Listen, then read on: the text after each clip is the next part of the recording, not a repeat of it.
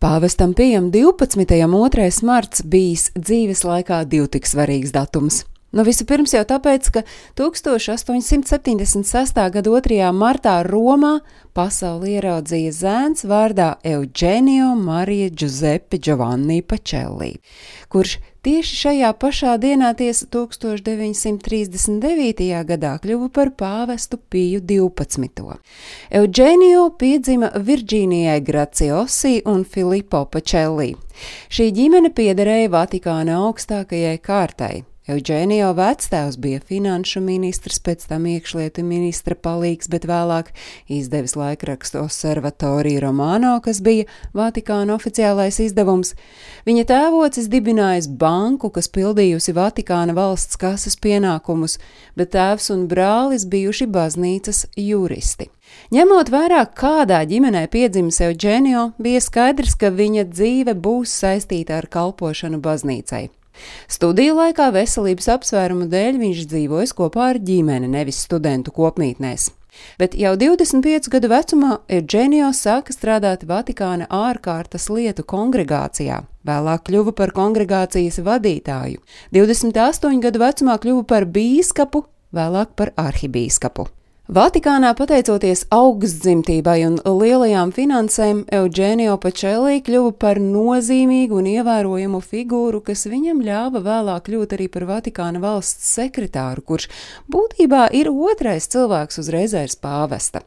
Pačēlī pratis vācu valodu, un viņa sirds zināmā mērā arī esot piederējusi Vācijai. Turklāt viņš bija kļuvis par izcilu diplomātu, tāpēc tieši viņa nopelns bija līguma noslēgšana ar Hitlera valdību. Pāvests Pīs 11. augstu vērtējis Pačelī, nevelti vēsture saglabājusi pāvesta Pija 11. teikto: Ja es rīt mirstu, tad ātri atradīsies kāds, kas ieņems manu vietu.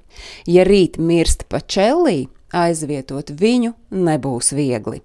Tāpēc diezgan likumsakarīgi, ka brīdī, kad šo pasauli atstāja Pīs 11. viņa vietā ievēlēja Eugenio Pacelli. Un tas notika atkal jau 2. martā, dažus mēnešus pirms Otrā pasaules kara sākuma 1939. gadā, kad Eugenio Pacelli kļuva par 260. pāvestu.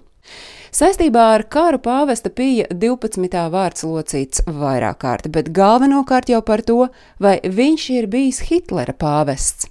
Pīs 12. saņēmis pārmetumus, ka Vatikāns nav pievērsis uzmanību holokaustam, zinot, ka nacistiskā Vācija slepkavo ebrejus tomēr nav rīkojies. Kāds ebreju kritiķis pāvestu nodēvējis par vēsu savrupnieku, kas ir atsvešināts no reālās dzīves. Tikmēr Vatikāns apgalvo, ka Pīs 12. bijis humāns pāvests, kurš uzmanīgi balansējis uz virves virs nemierīgiem ūdeņiem, kuri grasījās aprīt nevienu ebrejus, bet katru valsti, kas lemtu stāties ceļā. Patiesībā Pīs 12. esot palīdzējis slēpt ebrejus klosteros, baznīcās un pat savā vasaras rezidencē.